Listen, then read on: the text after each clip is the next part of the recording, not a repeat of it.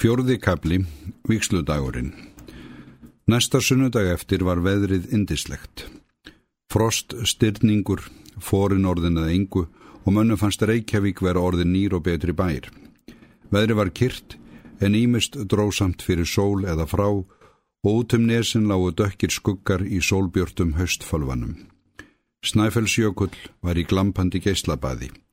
Hinn fjöllin með öllum hugsanlegum bláma en Esjan og Hingillin voru farin að hærast. Þorvaldur gekk vestur fyrir bæin. Markvislega fegur þafði hann séð, en hvergi var jafn indislegt og hér heima. Þegar hann hafði lagt að stað og Reykjavík síðast, hafði hann naumast vitað af því að þar væri neitt fallegt. Hvar hafði hann haft augun? Já, mikil var breytingin og mest á honum sjálfum, og nú átt að výja hann í dag. Hann fór að hugsa um þúsundir sálna sem hann átti að gæta. Hann þekkti enga þeirra og engin þeirra þekkti hann. Margir voru sjálfsagt mótsnúnir honum, pressefni Þorbjarnar. Enn fleiri voru sjálfsagt mótsnúnir lífskoðan hans. Og var ekki nægur vandi að gæta sinna eigin sálar. Var bætandi við það þúsundum sálna. Hann hitti Stengrim fyrir vestan bæin Hann var líka að hressa sig í góðviðrinu. Þeir eruðu samferða og fóru fram hjá landakoti. Þar var sungið hátt og snjált í kirkjunni. Óskemtilegt væri það ef kathólskan fær að læsa sig út hér á landi, saði Stengrimur. Já, yður finnst það. Stengrimur leita á hann alvarlegum spurnaraugum. Finnst yður ekki? Jú, jú. Kathólska kirkjan miskilu líklega fleira en margar aðrar kirkjudeildir.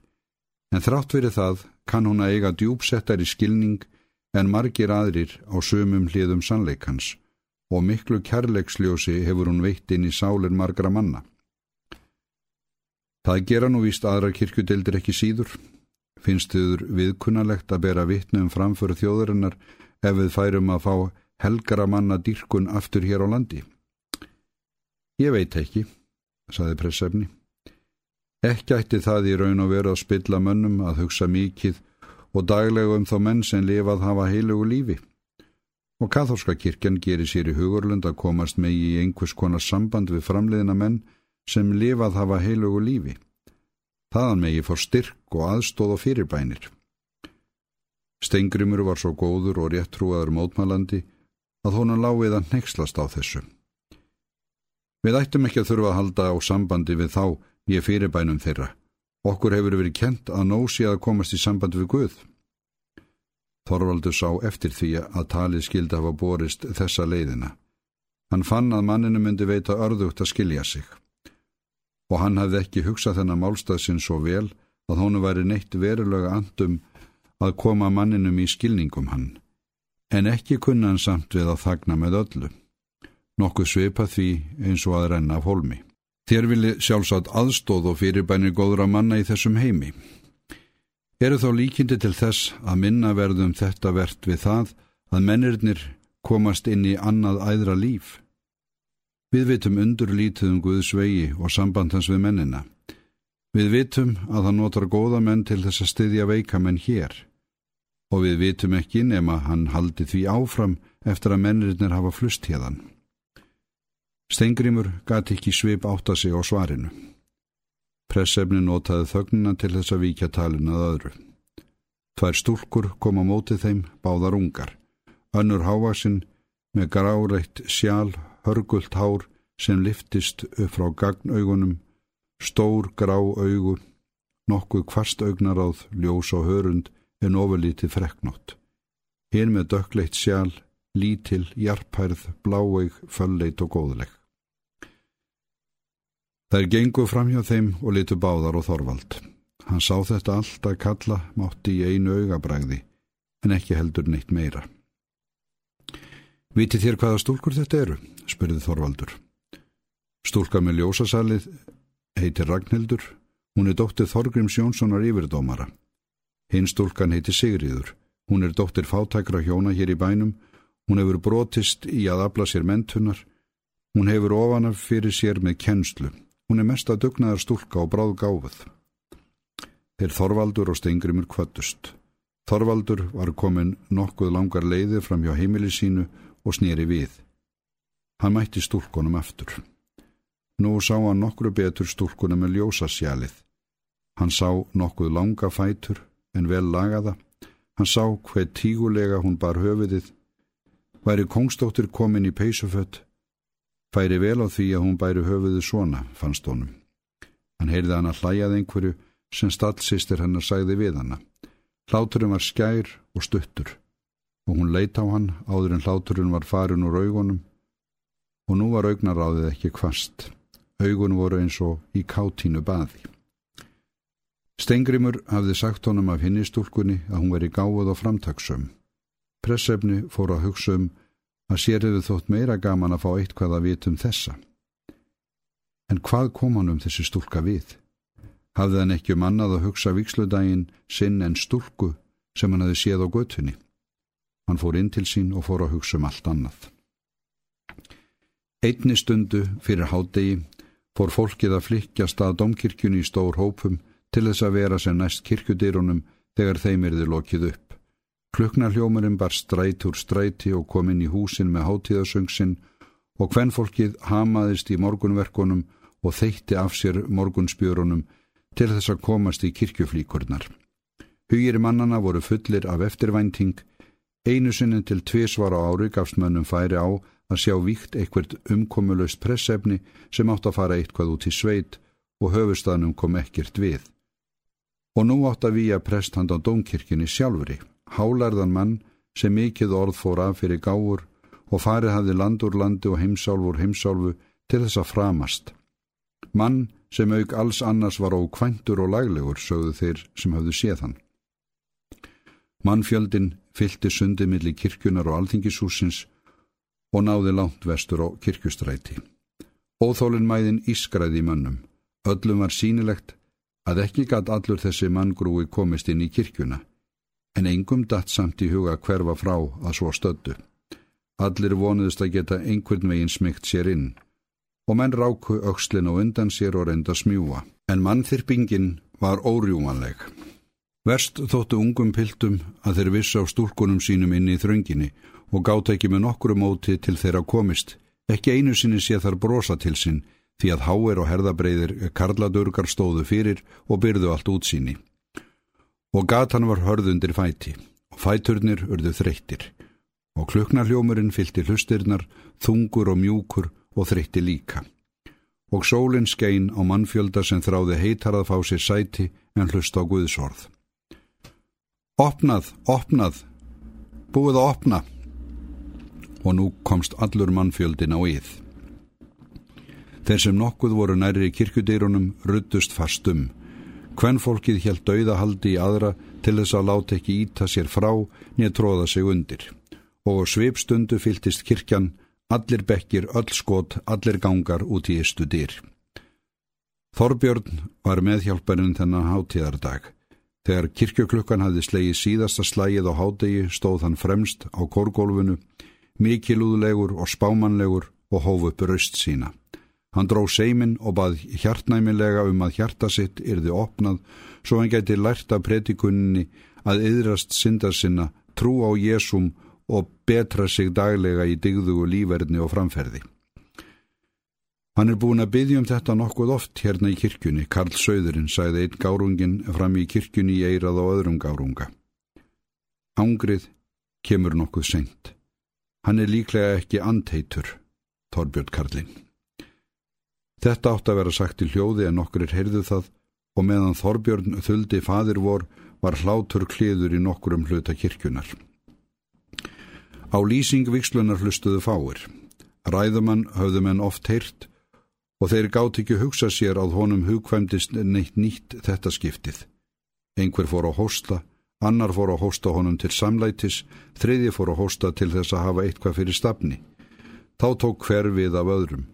Svo var að heyra sem allur söpniðurinn væri hóstandi.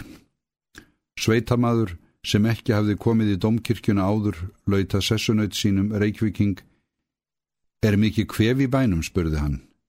Reykvíkingurinn horfi fyrst nokkur á stund á hann lítilsverðingar augum. Eru þér vittlaus? Nú, þér eruð ókunnugur í Ísrael. Þetta er ekki kvefhósti. Tekki þér ekki munin. Þetta er reikvískur kirkjuhósti. Gott, þá veit ég það. Þakkaður fyrir. Og sveitamæðurinn hlustaði vandlega á hóstan til þess að heyra munin. Hann var skinugur maður og setti vandlega á sig allar nýjungar sem fyrir augun og eirun bæru í höfustadnum til þess að geta frá einhverju sagt úr ferðinni heima. Á einu augabræði tók fyrir allan hósta. Biskupin kom út úr skrúðhúsinu í silkihempunni og á eftir honum prestefnið hempu klætt ásand þeim presti sem þjónað hafði domkirkjusöfniðunum til bráðabyrða. Fyrirtags skemmtilegt þótti mönnum að sjá hvernig meðhjálpararnir fór að því að skrýða biskup og pressefni þó að svo sín væri ekki algjör nýjung. Og latínusöngurinn var háttílegur í eirum mannana, meðfram að því að fæsti skildu nokkurt orði honum ég gerðu sér neina hugmyndum hvað veri var að syngja. Biskupi lág lágt rómur og ídla heyrðist til hans þarna innan frá alltarinu. Hóstinn kom aftur og ekki heyrðist nema orð og orð á stangli menn virtu fyrir sér hökulkrossin aftan á bakinu og nýja prestinum og sáu fyrir ofan hökulinn breiðan, dökkharðan og hrokkinharðan nakka. Gaman að nú átti hann bráðum að fara að koma upp í stólinn. Hann kom upp í stólinn, hratt upp stólhurðinni eins og asi væri á honum. Allir störðu á hann, menn sáu frítt, föllt andlit, breytt enni, dökk augu með þreytu svip á sér og utanum sig vandlega hyrt dögt yfir skegg. Hann kom með hendurnar upp á stólbarmana, menn sá að fingurnir voru framjóur og mjalla kvítir. Hann snýri sér við til að drekka, hreyfingarnar voru snöggar. Hann horfir eitthvað svo skrítilega, sagði Ragnhildur við sjálfa sig, eins og enginn væri inni nema hann, eins og hann væri að horfa inn í annan heim. Hann vist eitthvað undarlegur.